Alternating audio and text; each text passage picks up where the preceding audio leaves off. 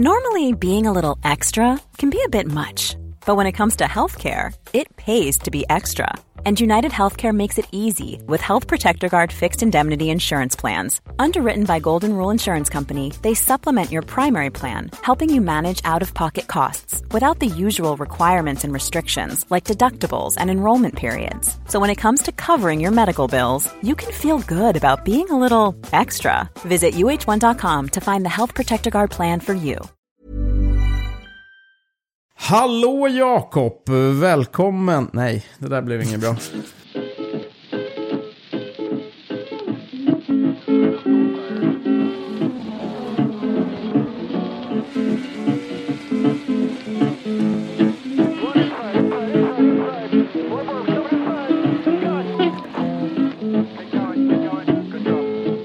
I wanna know where my easy rider goes. Said I wanna know where my easy rider goes. She's an easy rider, but ride not so long. Hallå Gergej, välkommen till Indiepodden avsnitt 26. Hallå Jakob och hallå alla kära lyssnare. Ni ska också vara hjärtligt välkomna till eh, detta fullsmetade avsnitt av Indiepodden. Vad pratar vi om idag Jakob? Vi pratar eh, lite Linus Lundqvist. Ska berätta om Alex Zanardi och vad han har att kämpa eh, mot de här Just det. dagarna. Och vi har pratat också med Anna Andersson från Aftonbladet som hade många intressanta insikter om Indycar och F1-världen och Marcus Erikssons psyke. Det var mycket Mm. intressant att höra från henne. Precis, det är ett roligt snack med Anna Andersson, en av eh, landets mest erfarna motorsportjournalister och, och en av få, skulle jag tro, som, som eh, ganska hårt fokuserar på motorsportjournalistik. Så att, jättekul snack med Anna. Hörru du Jakob, du har ju koll på vad Linus Lundqvist sysslar med på andra sidan Atlanten. Kan du berätta lite hur det går för honom? Det går så att han är redo för race. Om ett par dagar ska han inställa sig på Mid-Ohio och köra i Form Formula Regional Americas. Formula Regional på andra platser på jorden kallas Formel 3. Ehm, det är den här serien som många av Indy Lights-förarna faktiskt har eh, flytt till. Inget om Rasmus Lind än så länge. Min Linus Lundqvist ska ju köra, köra där hela den här säsongen. Det var ju klart sedan ett par månader tillbaka. Vi hade en du hade ett längre snack med honom Yes. Eh, för ett par månader sedan. Eh, I alla fall, han har ju lyckats ta sig in i USA. Loppen går på lördag och på söndag på Mid-Ohio från 15.30 svensk tid. Ska livestreamas på FR Regional Americas YouTube-sida, får man kolla på det. Alltså det är ju ett fullt fält, det är en ordentlig Formelby-skola. Eh, priset i den klassen är ju en City the Lights nästa år.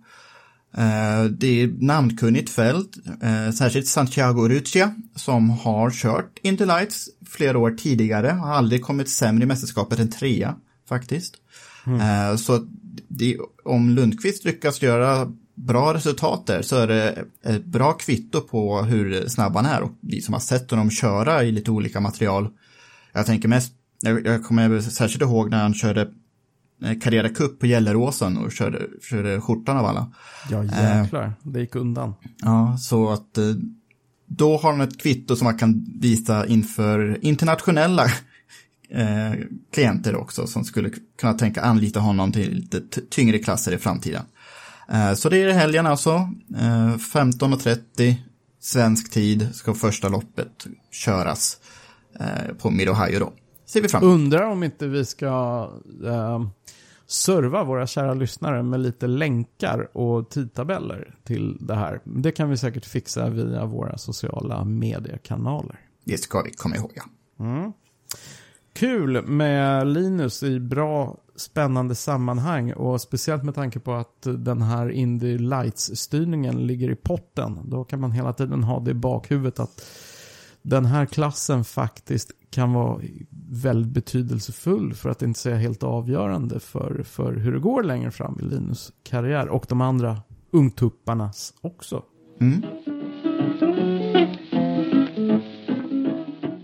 Ja, så har vi fått eh, lite nyheter från eh, Italien om eh, Zanardis hälsotillstånd. Zanardi som eh, många av er säkert känner till råkade ut för en eh, trafikolycka för ett par dagar sedan. På När han midsommarafton. ute på en träningsrunda. En olycka med en lastbil. Oklart exakt vad som hände, men vi vet att Zanardi ligger nedsövd i respirator med allvarliga skallskador. Läkarna ger ju kontinuerliga uppdateringar om hans tillstånd och det inte förvärrats sedan han hamnade på universitetssjukhuset i Siena i fredags. Eh, men det är fortfarande allvarligt tillstånd och vi alla hoppas ju att Sanardi tillfrisknar eh, från det här så fort som möjligt. Sanardis egna karriär var ju ganska kantad av skador och dramatiska incidenter. Eh, han F1-debuterade ju i Formel 1 1991. Hans F1 karriär var ju inte särskilt spektakulär i sig. Han var ju med om en otäck olycka på spa. Eh, där han ådrog sig en ganska allvarlig eh, hjärnskakning, har jag för mig. En krasch i Orouge med sin Lotus. Man kom tillbaka från det, eh, men Formel 1-karriären tog slut också när Lotus klappade ihop säsongen 94. Sen blev det lite sportvagn och lite rulla tummarna. Innan han eh, fick förtroendet av Chip Ganassi att köra Indycar 1996 och gjorde ju enorm succé under hans tre Indycar-säsonger. Tills en fruktansvärd olycka satte stopp för karriären va? Precis. Han körde ju Chip Ganassi Indycar 96, 97, 98. Jag tror det blev en tredjeplats i mästerskapet 96 och sen så dominerade han serien 97 och 98 i kart. The United States, two new names, both from the U.S., in this series that has become so international. So the battle for the PPG Cup. Look, oh, look, here he comes, here he comes, here he comes, and he gets him! Can he get him back? Can he hang on? Oh, look at this!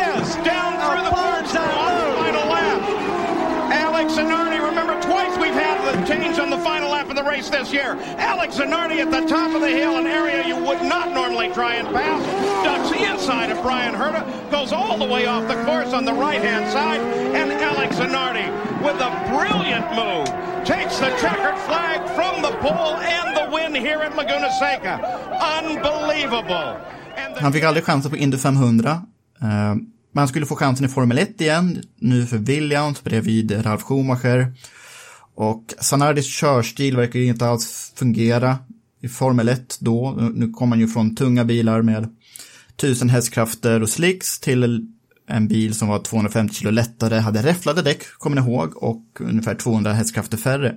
Så noll poäng hos Williams säsongen 99 så gjorde att han kom tillbaka till eh, kartserien till 2001. Och det var då den här hemska olyckan hände på Lausitzring ovalloppet i, i Tyskland som Kenny Bräck vann. Det här var ju ett väldigt, väldigt jobbig atmosfär för det här var ju första större internationella sportevenemanget efter 11 september.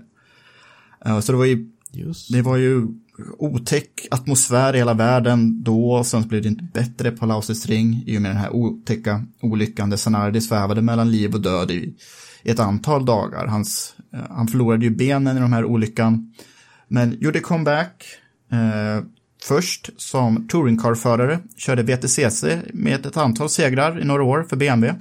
Han har inte tävlat i Indycar sedan dess, men han gjorde ett inhopp bara ceremoniellt körde klart de 17 varven när det nu var på Lausitz ring, de varven som han inte fick köra klart. Och de tiderna han satte med sin kartbil hade ju räckt för att vara konkurrenskraftig när, när Indycar-cirkusen besökte Lausitz igen 2003, alltså bara ett och ett halvt år. Är det sant? Det här visste jag inte. Bara ett och ett halvt år efter den här allvarliga olyckan så satt han i en Indycar-bil igen och eh, körde klart loppet då. Eh, nu en till allvarlig skada i Sanardis liv. Eh, han är en bit över 50 nu, men ja, vi hoppas på att han kommer studsa tillbaka till det här igen. Han är alltså en av de större anledningarna varför jag tyckte att Indycar var så otroligt häftigt eh, när jag var 6, 7, 8, 9 år. Eh, varför jag tyckte liksom att Indycar var så himla färgglatt. Sanardi var ju den som eh, gjorde att göra donuts FNs jägare. Det var, han- som, han var den som gjorde det populärt. Liksom. Eh, det var bara någonting han fick för sig efter han vann i Long Beach 97. Så tycker jag att vi ska bjuda publiken på något särskilt. Och så gjorde han donuts, fick böter för det. Eh, Men liksom, han var en riktigt härlig färgklick i Indycar-cirkeln på slut- slutet av 90-talet. Och oavsett vart han varit så har han ju varit väldigt, han har inspirerat mig väldigt, mycket. Att eh, gör det bästa av det värsta och eh, ta inget för givet. En eh, otrolig karaktär och mm, han kommer han, Han är ju en riktig comeback-hjälte alltså. För efter sin, sin aktiva karriär inom motorsporten och efter att ha förlorat sina bägge ben så har han ju sadlat om till, till um, cykelsport för, för handikappade. Helt enkelt. Till Handcykling. eh, handikapp, hand, handcykling. Och eh, tagit uh, Paraly Paralympics-guld Ja. I handcykling. Ja, jag har tappat räkningen hur många guldmedaljer och andra medaljer det har varit, men en hel del. Och hans motorsportkarriär har ju faktiskt fortsatt. Förra året körde han ju Daytona 24 timmars till exempel. Så Precis. en Precis. otroligt häftig kille som vi alla önskar väl nu och håller tummarna på att allt går bra. Ja, våra allra största Indiepodden lyckönskningar till Italien helt enkelt.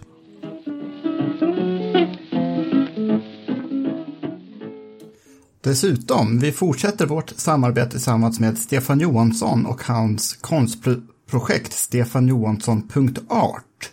För er som lyssnade på vår intervju med Stefan Lillövis Johansson i vintras vet att han har många strängar på sin lyra. Idag driver han, förutom sitt management för Felix Rosenqvist, Scott Dixon och Rasmus Lind, även en framgångsrik karriär som konstnär. Och så i och med den världsomfattande pandemin som vi nu lever igenom så har Stefan Johansson tagit fram också ansiktsmasker med eh, sina konstverk på. De finns tillgängliga i fyra olika designer eh, från serien Memories of a Past Life. Eh, och i och med att köpa de här ansiktsmaskerna stödjer man också olika välgörenheter som Johansson är engagerad i i Los Angeles, särskilt för Los Angeles hemlösa. Så om man köper en mask för 30 dollar så donerar man också en mask till hemlösa i Los Angeles. Om man köper fyra masker för, då för 65 dollar så donerar man fyra masker till. Ni förstår. För att eh, ta en genväg för att komma över en sån här mask så kan man också bara signa upp sig för stefanjohansson.arts nyhetsbrev. Då är man nämligen med i en tävling att vinna ett presentkort värt 150 dollar som man kan använda i stefanjohansson.arts webbshop. Så gå in och kika på Stefan Johanssons konstverk. Signa upp er för nyhetsbrevet och håll tummarna att det är ni som vinner presentkortet då på 150 dollar. Sista datum att anmäla sig för det här är 17 juli, så vänta inte för länge bara. Ja, kära lyssnare. Idag har vi finfrämmande hos Indiepodden. Vi har nämligen med oss Anna Andersson som skriver motorsport för eh, Aftonbladet. Och historiskt sett har ju Anna fokuserat jättemycket på Formel 1, men av naturliga skäl så har även hon eh, börjat omorientera en del även med utblickar mot Indycar mer och mer. Eh, och Anna är ju någonting eh, så unikt inom, inom svensk motorjournalistik att mig veterligen så är Anna en av få som faktiskt uteslutande skriver om motorsport och motorsportrelaterade eh, teman. Så vi tyckte det vore jättekul att ha med Anna och prata om Indycar helt enkelt. Välkommen Anna! Tack så jättemycket. Hur står det till i värmen? Jo, det står bra till faktiskt. Jag har hunnit med ett eh, svalkande dopp på förmiddagen, så det är lugnt. Åh, vad skönt. Ja, det ska man behöva.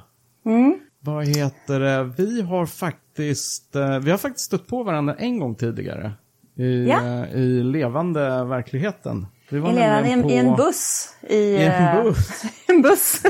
Apropå värme så har jag för mig att det var väldigt varmt på den där bussen också. ja, det var det. Och fasaner på vägen och eh, trångt och jäkligt eh, på gatorna, om jag inte minns helt fel. Ja men det var det. Vi var på väg genom de här pittoreska små byarna i England på väg till Absolut. en pressvisning av Renaults Formel 1-fabrik Enstone. Jag kan fortfarande inte, jag har ju varit på den här fabriken två, Två gånger. Och jag kan fortfarande inte förstå hur man har så erbarmligt dåliga vägar till Ja. en fabrik där det rullar liksom 14 eh, rejäla långtradare varannan vecka. Det är ju det är så att du skrapar alltså väggarna på husen och kanterna på broarna på de här Ja, smala verkligen. vägarna och fasaner överallt. Det är Smala otroligt märkligt. sport, sportbilsvägar. Absolut inte lämpade för Formel 1-långtradare. Nej men det märkliga är att jag, man varit där två gånger och man fortfarande alltid åker samma, samma vägar. Så man tycker att det borde ju finnas någon, någon bättre väg, men Något icke. alternativ. Men det gör Nej, nog precis. inte det. Nej, det gör inte det. Men du, som jag nämnde, alltså jag tror ju att du är, du är en av få svenska journalister som eh, ganska exklusivt fokuserar på att skriva om, eh, om motorsport. Rätta mig om jag har fel, men jag tror det. Ja, eh, skriva kanske ja, fast jag gör ju en del annat också, men det syns ju inte lika mycket. Jag skriver en del hockey. Eh, Jag bor ju i södra Sverige så det blir en del Malmö Redhawks, det blir en del Rosengård, eh, bibel till våra sportbiblar och sånt. Men eh, det är mycket motorsport och det har ju intresset har ju vuxit de senaste åren faktiskt. Även om Just det är många det. som tycker att det kanske inte är så, men det finns ett eh, genuint eh, motorsportintresse i Sverige. Och vi har ju försökt att odla det eh, på Aftonbladet och, och lagt mycket energi på att inte vara eh, den kvällstidningen som bara jagar rubriker utan att faktiskt vara den eh, tidning där man också kan få, eh, där den som är normalintresserad av motorsport, inte nördintresserad, men som är intresserad kan få en seriös bevakning. Nördarna finns det så många andra bra forum för. Men det finns ju en, en stor grupp människor som faktiskt är intresserade av det som händer inom Formel 1, eh, Indycar, VRC, MotoGP på ett på en nivå som, som ligger över ja, den normala sportbevakningen. Liksom, men där man ändå vill ha lite mer. Eh, men inte där in på varje, varje vinge liksom, och varje gram i bilen. Och där, för att verkligen ge er beröm för det arbetet, det tror jag ni har gjort ett jättejobb genom den kontinuiteten ni har haft. Att det, har, det är ju dig man ofta har förknippat med motorsportbevakningen och den har alltid varit på en, på en sån stabil och jämn nivå som precis som du säger förmodligen tilltalar den som inte är ja, men så, så extremt insnöade som jag och Jakob här, utan, utan mer så normalintresserade av, av liksom, hur går det för sporten och vad är det som händer. Eh, Ja, men vi har men- försökt att ta med liksom, in, in lite bakom kulisserna och skapa ett eh, intresse för en... Alltså det, motorsport är ju så otroligt brett och det finns Mm. väldigt, väldigt mycket intressanta människor och personligheter eh, i den här sporten som, mm, som nördarna ibland glömmer bort. Eh, som går ännu lite djupare, för dem är det så självklart. Men att hitta Mm. liksom en balans, en annan väg. För att ska man kunna skriva seriöst eh, när det händer saker som vi vill skriva om, andra saker som plötsligt folk vaknar till att oh shit, det där är en bra rubrik. Mm. Då måste vi göra det andra också. Vi måste väga upp, för det andra är inte, det blir inte relevant. Om man ska ta det på allvar, tycker jag. Just det. Men hur hamnar du här egentligen? Vem är, vem är Anna Andersson så att säga och hur hamnar du i, i eh, det här med motorsportjournalistik? Alltså det är en, eh, eh, det, det är en lite knölig väg. Livet har ju ibland eh, förunderliga vägar och, eh, där vi vandrar. Jag är en sportfåne i grunden. Liksom. Eh, jag har spelat, jag har på med det mesta, men framförallt jag spelat handboll på elitnivå. Och jag älskar adrenalinet inom idrotten. Och jag älskar verkligen idrotten och människorna som håller på med idrott. Och tycker om att berätta historier. Eh, sen träffade jag mitt livs kärlek. Eh, han råkade också spela handboll. Och blev proffs i Tyskland för många år sedan. Så att, eh, och jag fick liksom välja, vad ska jag göra? Ska jag skita i det eller ska jag våga hoppa? Och då tänkte jag att jag får ju nog göra det. Och i den här eran så var ju Michael Schumacher enormt stor. Mattias Ekström körde DTM. Eh, och jag kände väl att jag ville inte släppa, jag hade jobbat som journalist sedan jag var 14 och ville liksom inte släppa det. Så då hittade vi en, en mellanväg eh, och så fastnade jag för motorsport. I början var det mycket fotboll och sånt också men någonstans så kände jag att jag tycker inte fotboll är speciellt kul om jag ska vara ärlig. Nej. Så att, eh, men här tyckte jag att här hittar jag någonting. Alltså det finns adrenalin, det finns historier, det finns människor, det finns en passion, det finns så otroligt mycket. Motorsporten är så himla bred, så jag fastnade. Ehm, Den har så otroligt mycket mer än, än många andra idrotter faktiskt, tycker jag. Ehm, Så jag fastnade ju då och då. Egentligen som ung så var det mer att jag, men jag tyckte det var jättekul att kolla när, när eh, Senna Prost körde. Liksom. Men det var lika mycket skidor, hockey, allt annat när jag var barn. Men det var där någonstans jag fastnade, i ett motorsporttokigt land. Ja, det är ju det är liksom väldigt speciellt med motorsport att det är alltid så mycket politik och intriger och personligheter och, och stora pengar och affärsintressen inblandat. Så det är, jag håller helt med dig. Det är en väldigt spännande värld. Liksom. Och börjar Ja, man så är här, en- skrapa lite på ytan så finns det alltid så mycket intressant under. Liksom. Ja, och det finns så mycket, alltså det är ju mycket spännande med regler och vad händer och varför. Alltså fotbollsplan, eller fotboll liksom, ja men du har 11 gubbar och, i ett lag och sen har du 11 i nästa och så har du 42 ligor. Alltså, det krävs inte så jäkla mycket för att spela eh, i en av Europas bästa ligor. Visst, det är svårt naturligtvis, för utbudet är stort. Men tittar du på F1, hallå, det är 20 platser i hela världen. Just det. Tittar du på Indycar, det är ungefär lika mycket. Och det är två gubbar i varje team, eller tre som Indycar, som, som syns. Men det är sån otroligt teamarbete bakom. Så det finns så mycket, och det finns så mycket historia. Är det, jag tycker det är grymt. Otroligt roligt. Så det är, det, jag vet inte, det är någonting som har vuxit fram. Och så tycker jag det är väldigt, väldigt roligt. Så jag, kan inte, jag, vill- jag vill inte släppa det. Nej, jag förstår det. Det låter, det låter ju passionerat när du pratar om det. Det låter som att det är, en, det är på riktigt liksom. Jag har till och med fått min man som inte tyckt om något annat än bollar och börjat titta på grejer. Så att, eh, Ja, kul. jag har blivit viss, viss, viss passion får man väl säga. Föredömligt. Men svensk motorsportjournalist och allt som allt idag, hur mår den egentligen idag? Du når ju många läsare till exempel och hur upplever du tonen bland motorsportsfans online? Är det okej ton som fansen har mot journalister tycker du? Jag tycker att den är väldigt varierande. Jag får väldigt mycket, väldigt mycket positivt, eh, måste jag säga.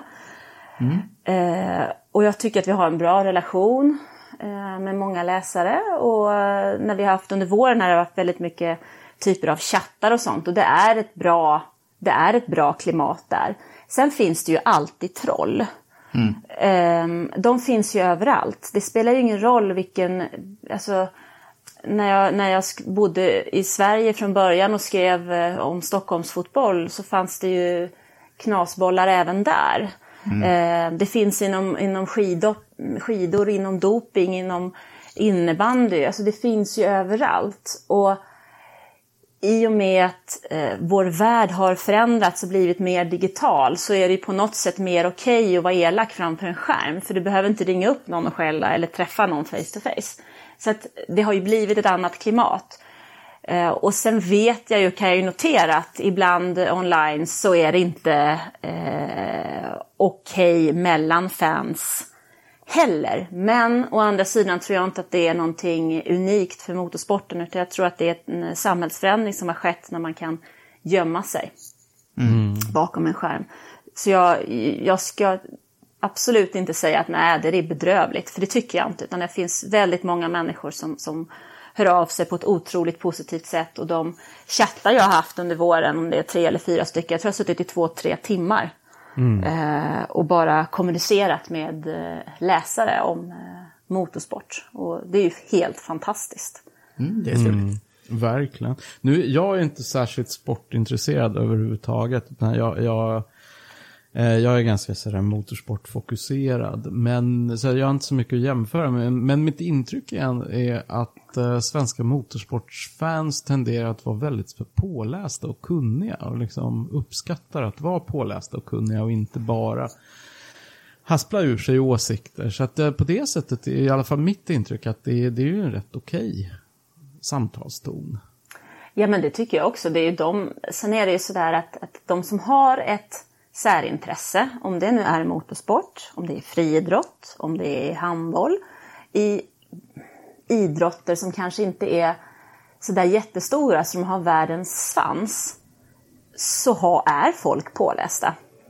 Absolut. Men i de här, våra nationalsporter, eh, exempelvis fotboll och hockey, där det blir mästerskap som plötsligt lockar folk var fjärde år, så är det klart att de har ju en tendens att häva ut sig saker för att de inte hänger med under de andra åren. Just det. Emellan mästerskapscyklarna. Så att det, motorsportfans är absolut eh, pålästa. Men man kan ju också hitta, under Svenska rallyt kan man ju all- alltid hitta de som har för många promille in och för få promille ut. Liksom. Okej. Mm, absolut. Ja, absolut. Men så är det ju.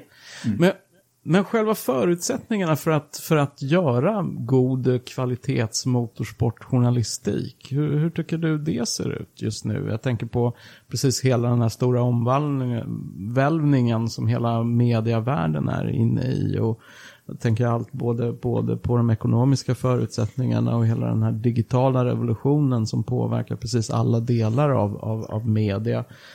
Tycker du det finns schyssta förutsättningar för att, för att liksom jobba med det här och, och skriva vettig journalistik om motorsport? Det har blivit svårare och svårare. Eh, om man framförallt tittar på Formel 1 då, eh, så var det ju enklare för ett par år sedan att få loss de här eh, exklusiva grejerna och få komma in och ha lite. Medan eh, ju större den eh, grenen har blivit, ju mer teamen själva kontrollerar. Eh, och framförallt om man tittar på, eh, nu var jag på testerna här innan och sen hur det har blivit efteråt så är det ju väldigt mycket från teamen och ut som de kommunicerar det de vill kommunicera. Det. Eh, det har ju blivit mycket, mycket mer uppstyrt, vilket är negativt egentligen för fansen. För det slutar med att teamen publicerar det som de vill och vi, när vi inte får vara på plats eh, eller kan vara på plats och ställa de frågorna som, som vi kanske är intresserade av att få, så blir det ju deras vinkel som syns. Eh, och den biten har blivit svårare. Eh, du måste in och ha betydligt mer kontakter. Indycar är något mer öppet. Herregud, idag så kan du få tag på Marcus Eriksson. Det går ju. När han körde i Alfa så var det ju liksom en månads jobb för att få två citat. Ja. Alltså, så att den, där är det ju fortfarande en lite mer... eh, Det är inte lika mycket pengar, det är inte, det är inte riktigt lika styrt och det är fortfarande eh, man kan säga något öppnare och det känns som en något mer gemytlig stämning. Tycker jag nog. Ja, jag håller med. Det- känns som den, den amerikanska racingmiljön är, är lite mer förstående också för, för att pressen är ju en otroligt viktig del av det de sysslar med. Till skillnad från kanske Formel 1 som, som gärna ser pressen som pesten liksom. Ehm, Ja, Formel 1 ser väl mer att, eh, alltså, det är ju, det, de ser ju mer att de ska tjäna pengar på pressen och att vi kan förse dem med det, det, de ser det som sin förlängda arm. Eh, men jag har inte känslan av att Indycar eh, har kommit dit än. Det kan ju också vara en sån sak som att Indycar liksom ligger lite efter. Eh, vi får ju också se vad som händer eh, när den här pandemin har dragit över världen ett Just eller det. flera varv eller vad den tänker och vad gör det eh, med motorsporten och, och hur påverkar det det som vi tycker så otroligt mycket om när det gäller idrott. Vad, vad händer med sociala distanseringar, med stora evenemang, med pengar, med sponsorer? Vad gör det med förare när vi plötsligt har race utan publik? Vad händer liksom? Det, det är en stor fråga som vi faktiskt inte har något svar på och som det kommer också dröja en hel del in, in, innan vi kan svara på, för det är en process. Verkligen, och det är mycket som fortfarande känns extremt osäkert. Alltså. Verkligen. Samtidigt tycker jag att det var otroligt kul att få se den här indiepremiären. Ja, Som var eller hur? Äntligen lite, lite riktig racing, eller hur Jakob? Oh ja, oh ja. Satt du och kollade på loppet live då? Som vi Eh, andra? självklart. Mm, bra det. Jag satt, eh, det var verkligen så här, jag fick en halvtimme sömn mellan kvalet och racet. Ja, detsamma. detsamma. Det var, det var en liten stund där som jag trodde det här, det här blir svårt. Men eh, jag klarade mig med en kopp kaffe. Ja, jag har satt här så jag hade solen som gick upp på morgonen. Det var rätt häftigt faktiskt. Det är någonting jag Ja, aldrig det var kommer att glömma. jättevackert. Det var en helt annan, man kände sig, jag, man insåg att det var väldigt många svenskar som delade den där stunden med en, men man var ju inte på samma ställe. Nej. man satt där i ett helt släckt tyst hus och så race på tv och solen utanför fönstret. Men det var otroligt läckert. Men vad, vad, vad, tog du med dig från det racet? Alltså som, om man tänker på det sportsliga, vad tycker du var liksom behållningen? Ja, men dels tycker jag att det var otroligt skönt att se att vi, det går att bedriva idrott eh, utan publik, faktiskt. Även om det såg eh, något märkligt ut med alla de här munskydden fram och tillbaks. Men eh, det som hände på banan, plockar vi in det, så var det ju, eh, tycker jag, gick jag med otroligt eh, mycket positiva känslor efter det racet. Alltså det var härligt att se den erfarenheten som, som Scott Dixon har. Eh, det var ju så otroligt tydligt varför han vann det racet. Det gjorde inte han för han hade förberett sig bäst i år. Det gjorde han för han har förberett sig för det här i 20 år. Eh, det var otroligt roligt att se Felix eh, som hade en sån enorm respekt för ovalracingen under förra säsongen. Vilket också är förståeligt med tanke på det som hände både under uppladdningen för Indycar och sen när han hängde i staketet under hösten. Så att jag tycker ändå att det var ett steg framåt och eh, hans alla timmar som han lagt ner med Dario Franchitti här under vintern, det syntes ju att det har gett honom någonting. Och sen var det ju otroligt roligt också tycker, tycker jag att se Marcus eh, klättring. Eh, för där har han har ju fått väldigt mycket kritik för att det är mycket snack och ingen verkstad. Ehm, och jag tycker ändå att han gjorde ett, ett eh, väldigt positivt och bra jobb. Och att eh, bränsleslangen eller vad det var som, som eh, såg till att det inte funkar och han inte fick besked om att det inte var någon bränsle i bilen och trassel i depån och hela. Ja, det är inte hans, det, det går inte på hans kappa, det går på hela teamets. Liksom. Så jag tyckte det kändes positivt och det kändes som att, fast nu vill jag mer. Ja, det känns lite nästan ordhärligt den här fyra veckor till efter att man hade väntat i, i eh, tre månader. Eh, Men Anna då, eh, hur länge har du personligen följt Indycar? Alltså lite från och till. Jag har ju under, alltså nu vet jag inte hur många år det är, men jag skulle kunna tänka mig att det är typ 15 år haft en sida som heter Annas Motor i Sportbladet. Som går varje lördag året runt. Ehm, och den där sidan, ja, det var faktiskt Ronny Olofsson när han var chef som sa att men vi måste på något sätt hitta något ställe, något forum för att ta hand om motorsport på ett seriöst sätt. Du kan väl fixa det? Ja visst, det kan jag väl fixa. Och den har ju blivit eh, ett ställe där man kan göra nedslag i saker och ting. Mm. Eh, vi får ju ibland eh, kritik för att vi skriver inte så himla mycket om eh, MotoGP eller vi skriver inte så mycket om eh, rallycross eller vad det är. Eller de svenska formelbilsförarna. Men den där sidan har vi under året använt. Inte, visst, F1-helger så är det mycket F1. Numera är det mycket Indy när det är Indy-helger. Men annars har vi använt den till att göra nedslag. Och det gör ju att där har jag ju haft viss Indy-kontakt så att säga. Även tidigare. Eh, personligen så vet jag, skrivit, skrev en del om Dan- Danica Patrick i samband med att hon vann på Montegi och innan och efter där och hennes roll. Eh, Jean Pablo Montoya, år 2000 var det väl han tog sin första Ja, seger som rookie på, han dominerade något vansinnigt den Indy 500 där. Eh, och tog med sig det sen till Formel 1. Så jag har gjort nedslag kan man väl säga, men det har inte blivit så...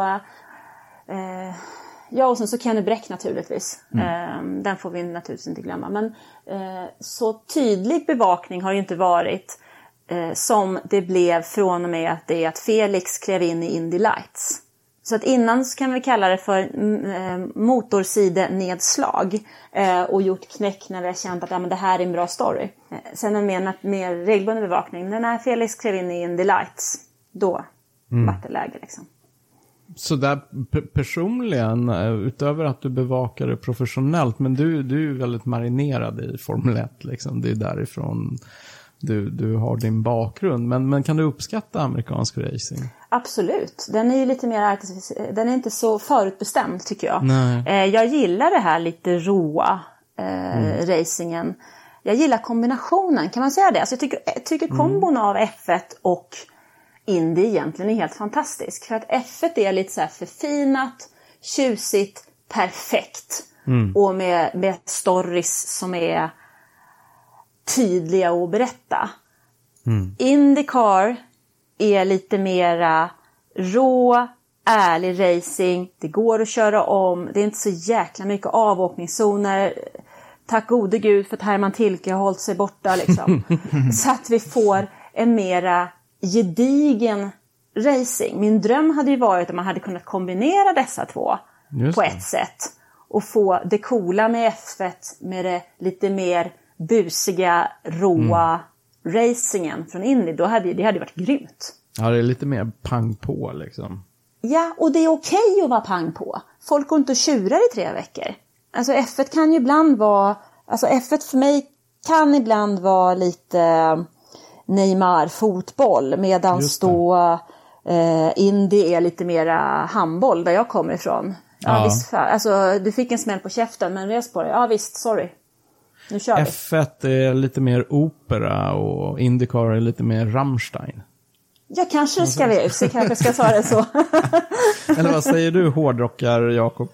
Eh, om Håller du med om F1 är opera så är ju Indycar någon form av heavy metal ka- kanske, eller country. Nej, Nascar är country förstås. Nascar är country. Nascar är nog verkligen country, country va? Ja. Ja, ja, det, ja precis. Apropå Ja, men jag Nascar, tycker det är- de här sociala oroligheterna i USA har Nascar varit rätt duktiga på att hantera va? Jo, jo. Eh, det kanske vi också ska komma in på att Indycar drog igång säsongen precis på piken av Black Lives Matter-protesterna i USA.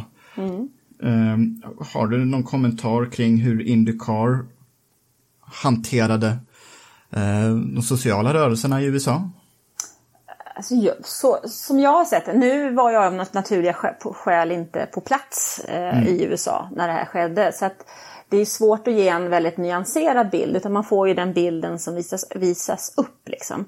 Eh, men jag tycker väl att de har hanterat det bra. Motorsporten har ju eh, generellt sett ett eh, problem för att det är en väldigt vit sport.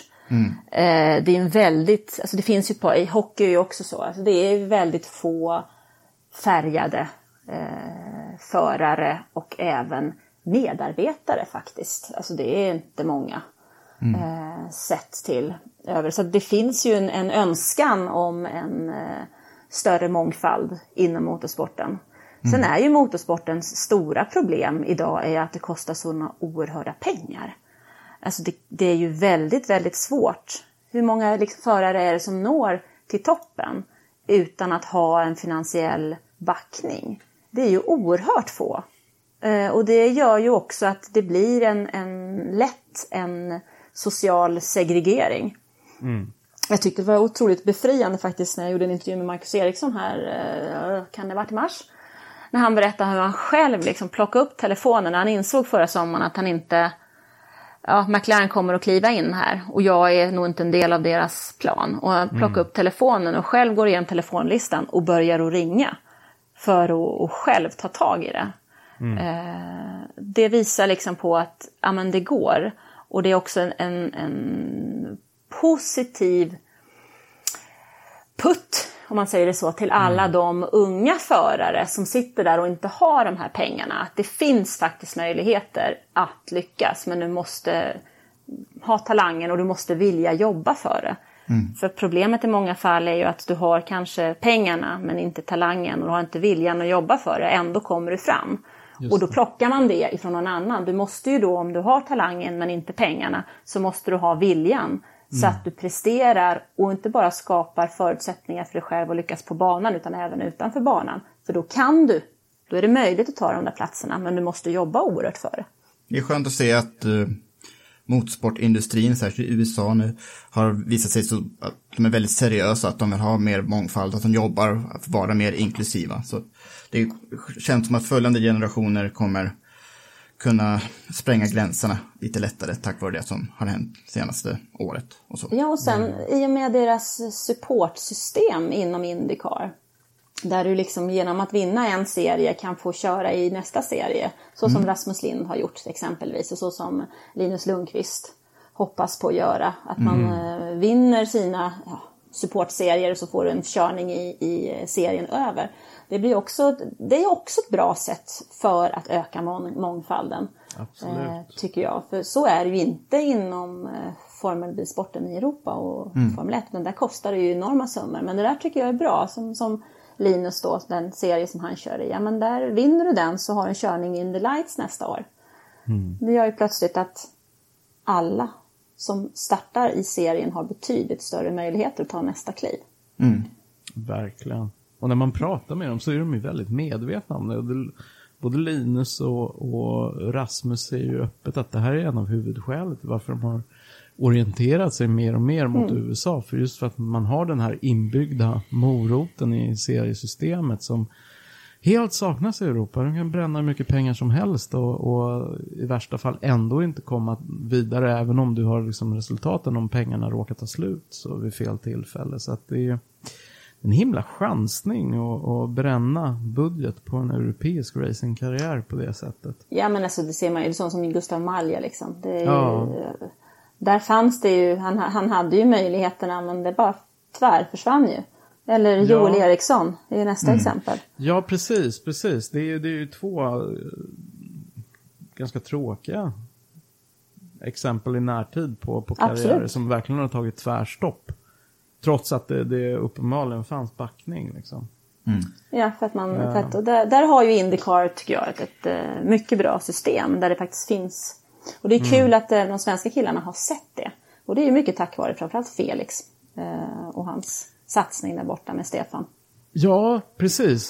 Stefan måste ha betytt väldigt mycket där alltså. För att tidigt få in honom på det spåret. Och då, nu i efterhand så det var ju, det var ju ett, verkligen ett lyckokast alltså. Speciellt Ja. om den här fina, fina formen håller i sig liksom.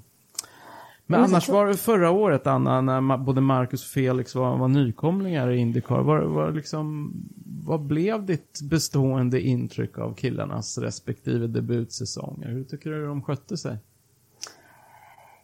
Ja, alltså när det gäller Felix så minns ju jag framförallt slutet av säsongen där när han fightas stenhårt med Scott Dixon och de går i varandra. Det var väl i säsongsavslutningen va? Till och med. Och det tycker jag är någonting som, som jag tar med mig och det är hans mod. Att våga racea oavsett vem som sitter i bilen bredvid och göra det på ett schysst sätt och sen kliva ur och liksom, ja fine, men eh, jag är inte nöjd. Jag ger mig inte, jag är inte nöjd. Han var otroligt besviken hela förra året eh, över att han inte vann något race. Och eh, när jag träffade honom i år inför säsongen så var det första han sa, nej men jag vann inte, då kan jag inte vara nöjd. Hur ska jag kunna vara nöjd om jag inte vinner? Ehm, och den känslan tar jag med mig när det gäller Felix. Jag tror att det är lite det som har gjort honom till den han är. Och som gör att han har, eh, som jag ser det i alla fall, goda möjligheter att, att vara en toppförare i Indycar flera år framöver. För att han är inte bara skicklig förare utan han har rätt mentala inställning också. Så det tar jag med mig när det gäller honom. Eh, när det gäller Marcus så är det ju lite svårare tycker jag eftersom han hamnade dels i ett sämre team plus att han kom ifrån fem skitår i Formel 1. Och där får jag nästan ta med mig, tror jag, just det här att han själv plockar upp telefonen och inte ger sig. Visst, han har en pallplats, absolut. Det ska vi inte ta ifrån honom. Men jag tror också där med Marcus är det också någonting av den inre eh, känslan och längtan och det som han har vuxit genom att ta så mycket stryk under så många år i F1 och ändå resa sig upp som en, en, en eh, stolt man och stå där och gå vidare och ta tag i sitt, sin situation för att skapa bättre förutsättningar. Så det är kanske inte så mycket racingmässigt utan det är nog mer den personliga utvecklingen hos Marcus. Eriksson där som jag tycker är värd eh, att verkligen plocka med sig och också värd att verkligen respektera honom för. För det är faktiskt imponerande. Jag kan ju säga att hade jag fått stryk i fem år så hade jag ju kastat alldeles för många kortlekar. Ja, men det, har, det har du verkligen rätt i. Det, det var ju definitivt ett så mentalt styrkebesked om Ass. Marcus efter, efter de tuffa åren han hade haft. Alltså. Ja, jag tycker det. Och det kanske är väldigt lite... Eh, när vi pratade om, om mig förut och mitt intresse för motorsport. Och sådana där saker tycker jag är oerhört intressanta. För det ger så mycket mer. Det är inte bara rent det. tekniska. Men människan bakom hjälmen. Det är ju sjukt häftigt. Och han är ju också ett, ett bra exempel, Marcus, på, på han har ju fått ta väldigt mycket skit, inte minst online, från, från Oerhört. fans som kanske inte har vägt in vad det är för skitbilar han har kört, liksom, utan bara tittat på resultatet. Ja, men titta, nu har han kvalat sist igen, liksom. Fan, vilken sopa. Och det är... Ja, och det är oerhört orättvist mot honom. Sen mm. har, alltså, han eh, har ju haft vissa problem att prestera i motvind. Mm. Så är det ju.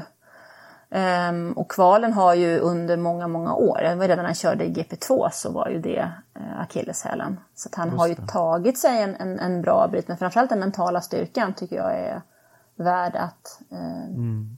hålla fram när det gäller Marcus. Och det ska bli väldigt kul tycker jag att se de två i år.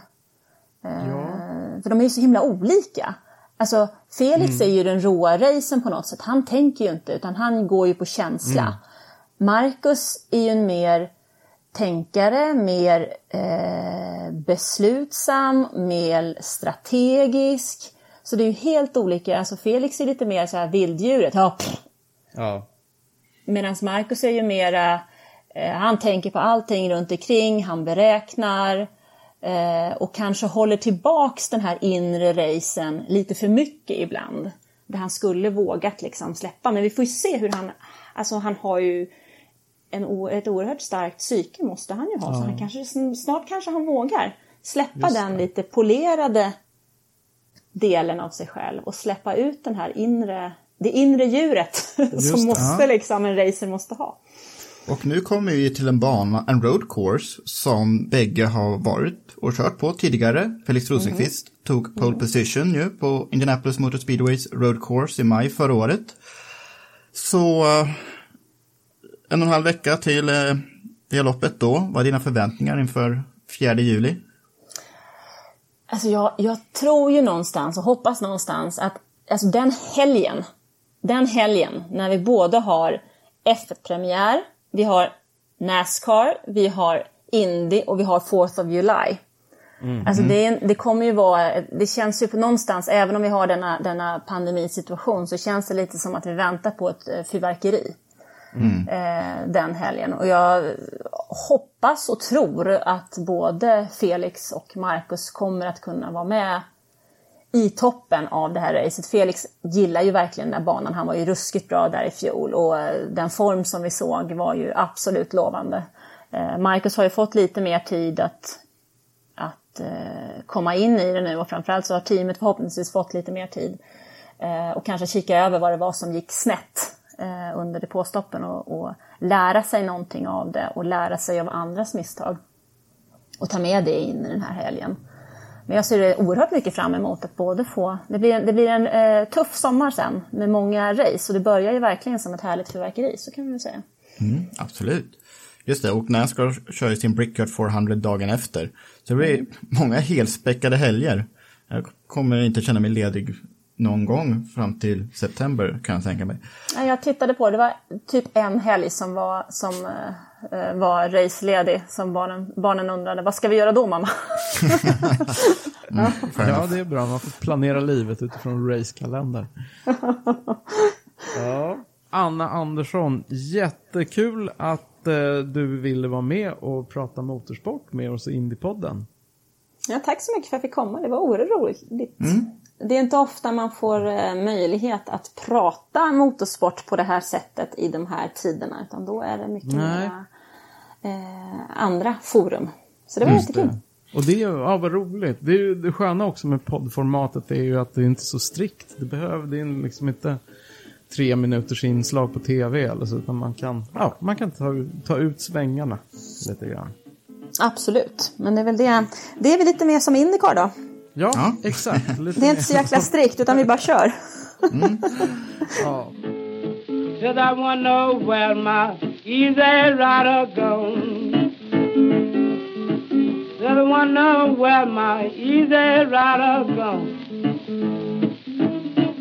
She's an easy rider, but she do ride hard so long.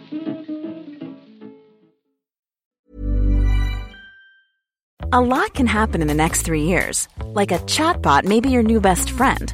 But what won't change? Needing health insurance. United Healthcare Tri Term Medical Plans are available for these changing times Underwritten by Golden Rule Insurance Company, they offer budget-friendly, flexible coverage for people who are in between jobs or missed open enrollment. The plans last nearly three years in some states, with access to a nationwide network of doctors and hospitals. So for whatever tomorrow brings, United Healthcare Tri-Term Medical Plans may be for you. Learn more at uh1.com.